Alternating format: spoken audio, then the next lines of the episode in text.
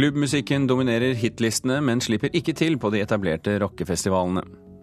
Ammo museum i Hedmark smir mens jernet er varmt, vil trekke turister i kjølvannet av storfilmen 'Kongens nei'. Og Fredagspanelet diskuterer i dag bråkete festivalpublikum, risikabel kleskolleksjon og robotjournalistikk. Ja, du hører på Kulturnytt med Birger Kolsrud Jåsund i studio.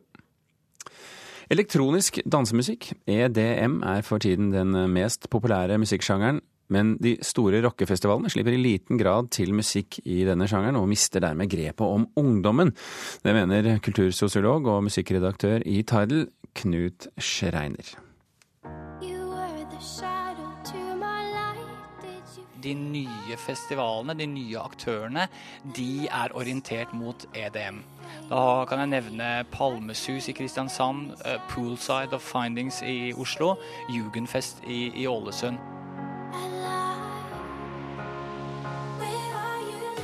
veldig mye av uh, populærmusikken uh, i bred forstand begynner å orientere seg mot EDM. Derfor kan man også ikke bare gi musikken mer kunstnerisk legitimitet, men man kunne også glede seg litt mer over at Norge er eh, verdensledende i sjangeren med Kygo og Alan Walker.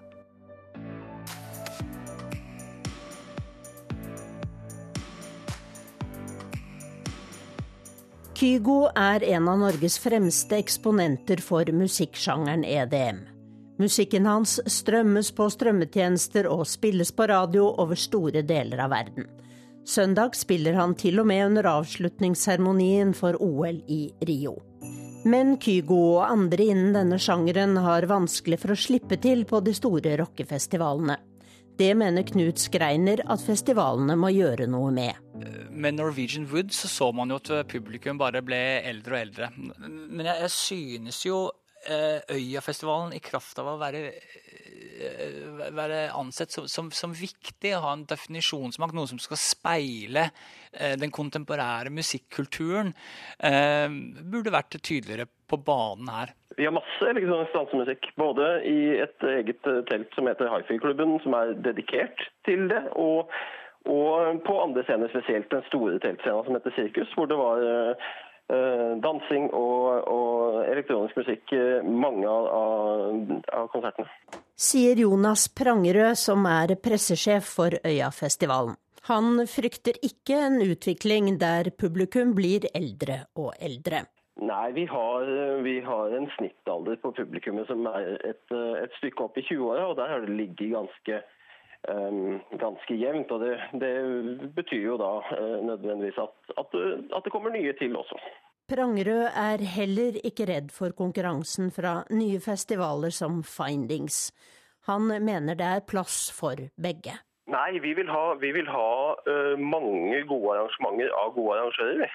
Findings har sine både kunstneriske og, og arrangementsmessige målsetninger, regner jeg med. Og vi, vi har våre. Uh, vi ønsker en stor bredde.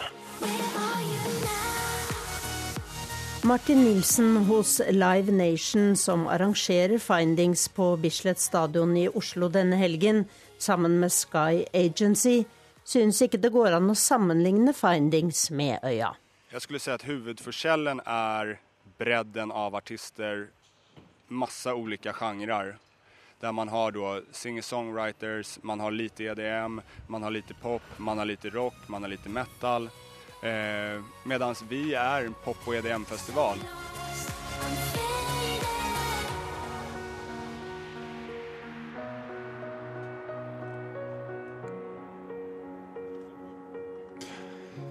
Du hørte Martin Nilsen til slutt der. Reporter det var eh, Tone Staude.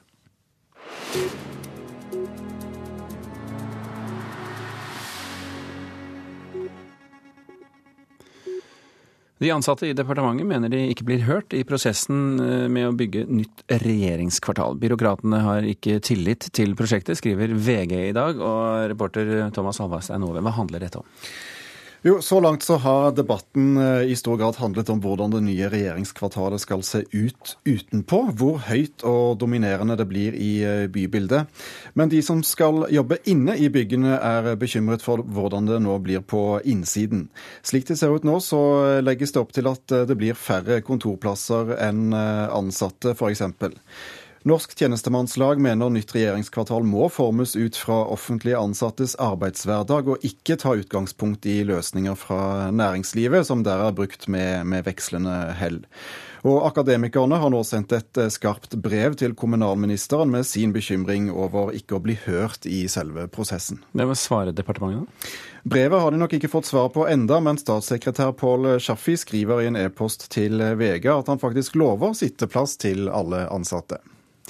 Så kan vi da ta uh, spranget til kunstneren Pushwagner. Uh, virker det som uh, folk trenger sånne pushwagons for å kjøpe all, for å frakte all kunsten som selges? Han selger i hvert fall i bøtter og spann.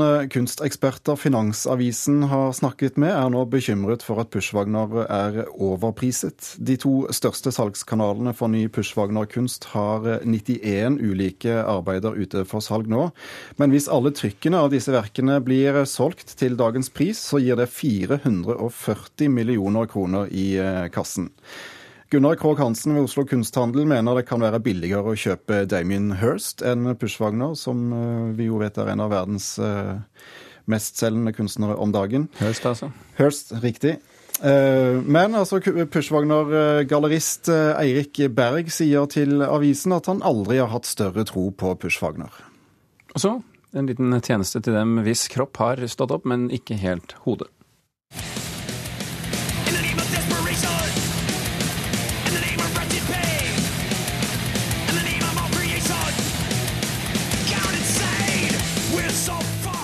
Dette er Metallica, et uh, lenge etterlengtet uh, album på gang for fansen? For mange er det det. Det er åtte år siden uh, sist rockelegendene kom med ny musikk. Og nå varsler de nytt album i november, og dette er altså en liten smakebit de har sluppet fra det albumet som får tittelen Hardwired to Self-Destruct.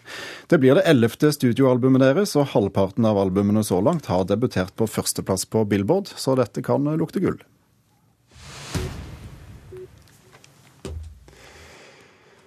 Du kan bli meldt til politiet dersom du publiserer på direkten arrangement som andre har rettighetene til. Stadig flere nordmenn viser deler eller hele fotballkamper eller konserter på sosiale medier, f.eks. på Facebook. Og det er ulovlig. Du kan få distributører til å bruke jussen for å forsvare sine dyrekjøpte rettigheter. Har du sett sånn Facebook Live? Eh, ja. Kunne du tenkt deg å sette en fotballkamp på Facebook? Ja. Nei, det er litt eh, enklere. Det er lett tilgjengelig. Oftere og oftere dukker det opp direktesendinger på sosiale medier. Fra hverdagslivet, men også fra konsertopplevelser og fotballkamper. Ja. Har du tenkt over at det kanskje ikke er lov? Nei, det har jeg aldri tenkt over. Sier Synnøve Årefjord, som er på stadion i Arna for å se kampen mellom Arna Bjørnar og Lillestrøm direkte. Det er sikkert kjedelig for de som egentlig skal tjene penger på det, da. Men eh, det er jo litt enklere for oss helt, tror jeg. Ja, det er ulovlig å strømme lengre sekvenser av rettighetsbelagte begivenheter til dine nærmeste 100 venner på sosiale medier. Det forklarer advokat Jon Wessel Aas til NRK. Fotballmedia jobber med det meste av medieavtaler i Norge. Daglig leder Knut Kristvang er enig i at dette er ulovlig. Han skriver i en e-post til NRK at de vil følge opp slike tilfeller av strømming, også rettslig om nødvendig. Hovedverdien i rettene til kampene som blir solgt eksklusivt og for dyre summer til én eller flere aktører, er nettopp direktesendingene medan kampene pågår. Dersom visning av kampene på ulike medieplattformer ikke lenger kan bli tilbudt eksklusivt fordi andre lager og produserer levende bilder for kampene og arrangementer, vil verdien på dette bli redusert. Med andre ord så er det ikke, og vil ikke, være lov for andre å streame eller filme kamper og arrangement direkte medan de pågår? Det er jo en utfordring og da både for en rettighetseier og, eh, som skal selge produktet, og en rettighetskjøper som skal ta betalt for produktet, sånn som TV 2 gjør. Da gjelder jo det særlig kanskje innenfor sport at uh, det dukker opp annen uh, overføring av uh, kamper som gjerne vi skulle hatt og har betalt eksklusivt for å ha. da. Sier Christian Bruarøy. Han er leder for TV 2 Sumo. Jeg vil jo si at TV 2 vi har nok også en tiltro til oss sjøl. At vi skal skape et godt og relevant redaksjonelt produkt med mange flere kameravinkler og med god zooming, som ikke mobiltelefonen har, med repriser, med gode kommentarer, og eh, at vi dermed skal eh, kunne nå eh, sluttbrukeren med et bedre produkt enn den håndholdte mobilen. Reporter her, det var Annbjørg Daland. Anno museum i Hedmark smir mens jernet er varmt. De har tro på at storfilmen 'Kongens nei' vil trekke turister. Dagen etter premieren åpner de nemlig en utstilling om de tre historiske døgnene i april 1940. Og dette skal være starten på å lokke filmturister til de berømte krigsminneplassene i regionen. Deres Majestet, fremmede krigsskip er på vei inn ytre del av Oslofjorden. 9.4.1940, starten på tre av norgeshistoriens viktigste døgn. Regjering og konge er på flukt gjennom Hamar, Elverum og Trysil. Det er de døgna filmen 'Kongens nei' tar for seg, og som museet vil skape turisme av. Det må være en historiefortelling og en formidling i, i bånn som legger til rette. Og der ser vi jo at det er vår rolle og vår, vår plass. Og her ligger det jo masse gode forretningsideer som eh, vi håper at eh, næringslivet og andre også tar tak i. Sier Stine Skrutevold Skjæret ved Anno museum. Med en halv million kroner i støtte fra Sparebanken i Hedmark har de starta jakten i magasinene. Det er jo skrot på en måte, men samtidig så forteller det en viktig historie. I esken ligger rester etter bombinga av Elverum 11. april. Hitlers svar på kong Haakons nei i kapitulasjon. Nå lager vi en utstilling som da skal være klar til norgespremieren. Proklamasjon til det norske folk. Regjeringen Nygaardsvold er trådt tilbake. Den nasjonale regjering har overtatt regjeringsmakten. Utstillingen de lager er starten på noe større. De vil lokke folk til å oppleve krigsminnesmerkene i kongens fotspor, utstyrt med kart og med lokale guider. Og komme seg ut i terrenget og se på de, de historiske stedene. Og juvelen i Elverum er jo på folkehøgskolen, stedet der kongen sa nei til Brøyer. Og det er et meget tungt ansvar. Det Anno gjør, kan være starten på noe stort, tror svenske Anja Presto. Ja, det tror jeg. Det tror jeg absolutt. Hun var sentral da Øst-Jøtlands museum bygde opp Arns rike, etter bøkene og filmene om tempelridderen Arn Magnusson, som har lokket 1,5 millioner mennesker til Skara. Museet som jeg jobbet på da, eh, hjalp til med kulturturismen. Vi ville oppmuntre mennesker til å lære om historien og reise på de her plassene. Det er kun timer siden de skjøt våre soldater i et forsøk på å komme seg til oss. Til Hans Majestet Kongen! Ja, vi har jo veldig godt samarbeid med Paradox, filmselskapet, som gladelig låner ut effekter fra filmen. Vi skal ikke lage en filmreklameutstilling, men filmen er en kjemperessurs for oss for å få en god utstilling. Utstillingsarkitektene Elisabeth Løvold og Gry Linnerud drar nytte av kommunens gode samarbeid med Filmselskapet. Og samarbeid med mange aktører er nøkkelen til suksess, mener Presto. Og sen får, det handler veldig mye om at foretakene selv har affærsideer og vil gjøre saker. For det her er jo en historie som har en lang sikt man kan bygge på lenge. Den, den tar ikke slutt om et år, men den er for evig. Det sa Anja Presto til reporter Torunn Myhre. Klokken har passert eh, 08.17.30, og dette er toppsaken i Nyhetsmorgen. Arbeidstilsynet har funnet ulovlige arbeidsforhold for indiske arbeidere som jobber med betalingstjenesten VIPS i DNBs lokaler i Oslo. Ansatte i et indisk IT-selskap jobber flere uker i strekk uten fri, og må jobbe mer overtid enn tillatt. Innvandrings- og integreringsminister Sylvi Listhaug fra Frp sier nå ja til fire nye år som toppolitiker, skriver Dagbladet. Hun sier til avisen at forutsetningen er at hun nomineres til sikker stortingsplass. Og da har vi fått med oss et fullvoksent fredagspanel her i Kulturnytt. Vi sier god dag til Ragna Nordenborg, Synne Øverland Knutsen og Tom Remlov. Velkommen alle sammen. Takk skal du ha. Vi har, eh, det har jo vært en stille sommer rent eh, kulturnyhetsmessig, men vi har da sannelig klart å skrape sammen et eh, feiende flott tema, en lite knippe temaer her. Vi begynner med festivaler og festivalbråk, fordi spørsmålet er bråker festivalpublikummet for mye? Ja, skal vi tro kulturjournalist i Aftenposten Robert Hoftun Gjestad, som i en kommentar denne helgen ba publikummet på Øyafestivalen simpelthen å holde kjeft. Men, og her, her kommer første spørsmål, om ikke artistene klarer å fange det musikkelskende publikums interesse, er det ikke da artistens egen skyld? Ja, ja eller nei? ja. Ja. Nei. Nei. Hvorfor mener du nei, eh, Synne? Jeg tror jo hvis eh, publikum ikke i utgangspunktet har eh, oppmerksomhet, så er det jo vanskelig å få den tilbake. Eh, men jeg hadde en liten sånn Jeg, gikk jo på Øyafestivalen i år, og så hadde jeg ikke vært der siden i fjor. Som man jo Det pleier jo bare å være én gang i året. Så, og da var jeg sånn Når jeg kom inn, da, så fikk jeg sånn liksom abstrakt forestilling av å være på festival. Jeg var sånn Jøss. Yes, her er det så stort inni dette teltet. Og det er så dårlig lyd. Og det er så mange fulle mennesker. Og eh, nå hørtes jeg veldig negativ ut, men da gikk jeg liksom i hodet for sånn hvorfor, hvorfor, hvorfor, er det sånn her, liksom?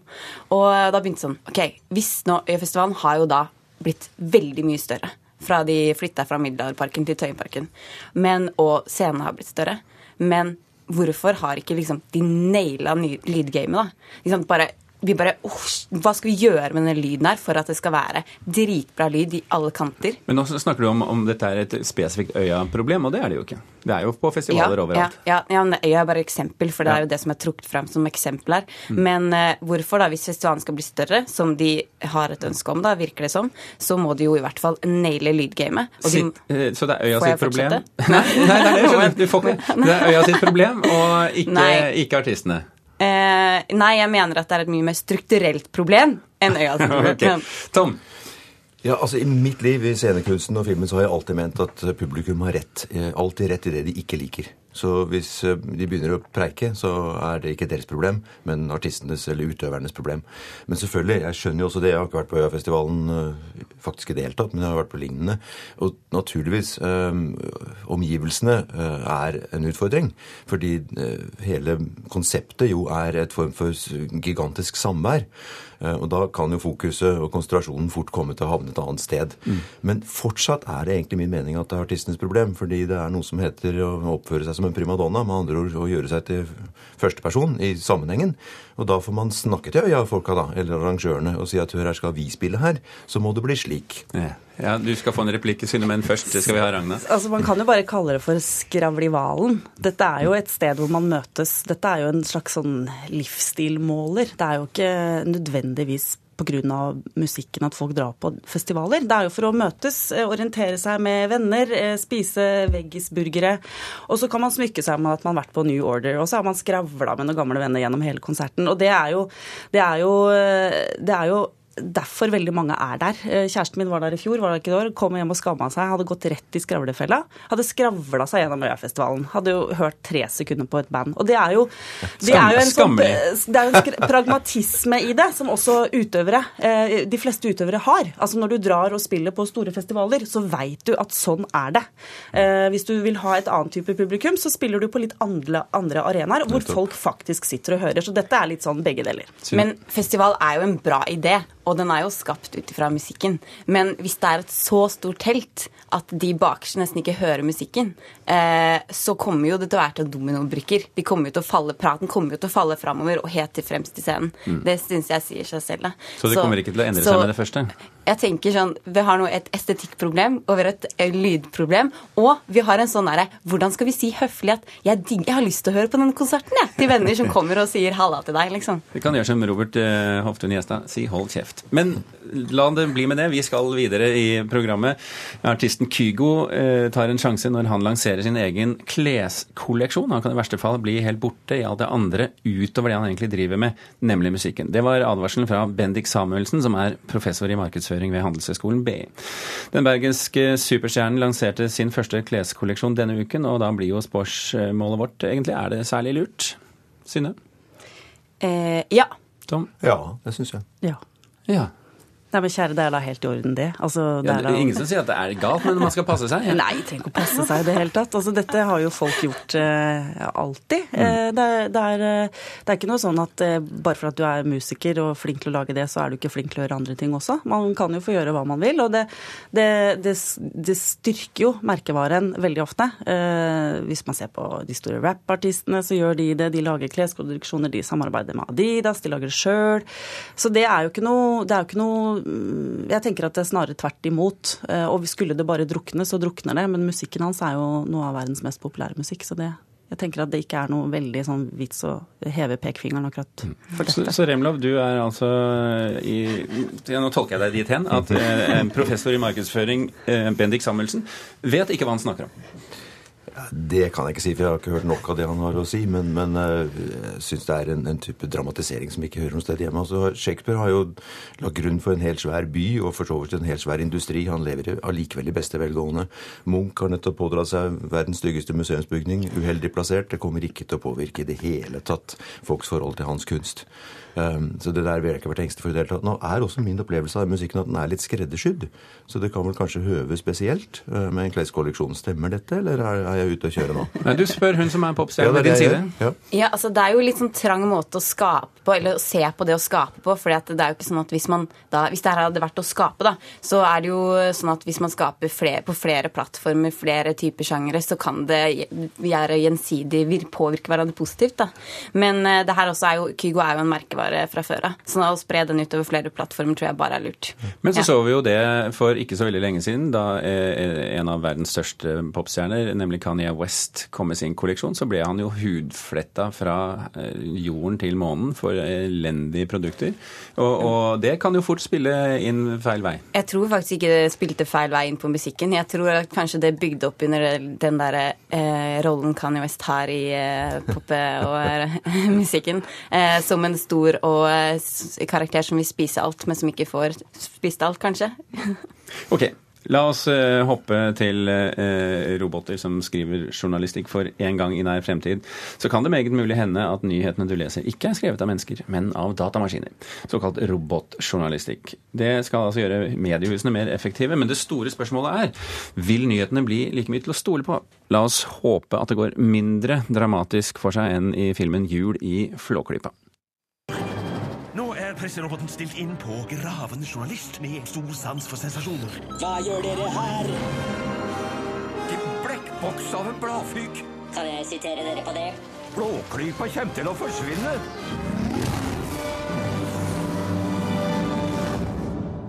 Dette kommer jeg til å angre på. Så spørsmålet blir kommer vi i fremtiden til å angre på at vi innførte robotjournalistikk, Tom? Nei. Ragna? Nei. Synne? Ja. Hvorfor? eh, altså Hadde det vært sånn at eh, robotjournalistikken var sånn eh, Ok, du brukte den til å spre nyheter som var veldig sånn Dette bør ut fort. Eller sånn Og vi lager noen sånn fancy, liksom morsomme kattesaker som får masse klikk, sånn at, kan, sånn at journalistene kan bruke tid på å gå ut og møte kilder, så hadde det vært dritbra. Men jeg tror ikke det er det som kommer til å skje. Det er jo et eh, Jeg tror det er en, eh, et initiativ for å eh, tjene penger og, eh, og eh, også spare penger. Og eh, da tror jeg det blir dårlig journalistikk. sånn at hvis det er resultatet, så kommer vi selvfølgelig til å angre på det, fordi vi er tjent med god journalistikk. Tom? Ja, altså Tjene penger og spare penger syns jeg er utmerkede motiver uansett. Men eh, jeg tror det var eh, filosofen Kjerkegård som sa at var min datter blitt prostituert, så hadde jeg satt himmel og jord i bevegelse for å frelse henne. Var min sønn blitt journalist, så ville jeg anse ham som fortapt. så sådan så kan man jo se dette som et uh, tiltak for å redde folk fra fortapelsen, og erstatte dem med roboter. Og fint nok, vil jeg mene. Men er altså nøden i mediebransjen så stor at de er nødt til å innføre roboter, så er det i hvert fall mulig at dette kan fremtvinge en, altså en type oppfinnelse som vil få videre anvendelse. Altså Jeg er fremskrittsoptimist. Jeg, jeg tror at, at det vi kan muliggjøre, det skal vi muliggjøre. Og så handler det om å kontrollere det og anvende det. Mm. Ragna? Ja, de, de, de, robotskrevne tingene jeg har kikka inn i, har jo vært eh, alt fra bare sånn enkle resultater, eller da børsmeldinger, til noe som kan ligne på noe som kommer fra menneskehånd. Altså, jeg leste et kampreferat, amerikansk kampreferat hvor jeg ble litt overrasket og tenkte at at det var rart, at det var litt uvant, at det var noe som lignet så tett opp til menneskenes eh, på en måte, idé om hva det er å skrive og formidle. Så, så det er litt pussig. Og det er, jo, det, det er, noe man må venne seg til og sikkert gå opp. Eh, men, men det at f.eks. Ap og andre nyhetsbyråer gjør dette allerede nå, og mye av det vi leser kommer fra den type, den, den type datamaskiner, det, det, tror jeg foreløpig ikke har skvisa ut flere journalister som da skal forhåpentligvis stille kritiske spørsmål. De blir jo skvisa ut uansett. Ja.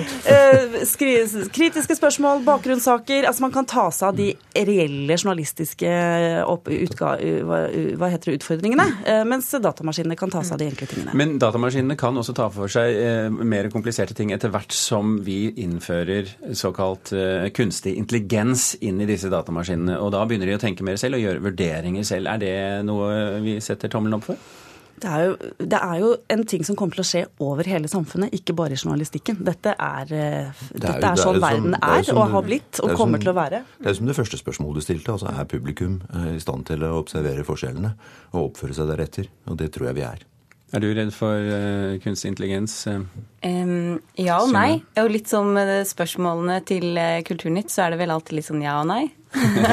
jeg tror vi kommer, Men er det ikke det som ligger litt i nostalgia? At, at man også angrer lite grann? Og så er man også glad. Litt glad. Alt blir helt likt som før, altså. Ja, men det er en fin konklusjon på dagens uh, fredagspanel her i Kulturnytt. Synne Øverland Knutsen, uh, forlegger i Fanfare, Tom Remlov uh, i Riksteatret og Ragna Nordenborg, vår egen programleder her i NRK. Takk for at dere var fredagspanelet. Thomas Alvarstein Ove og Birger Kålsrud Aasund takker for følget.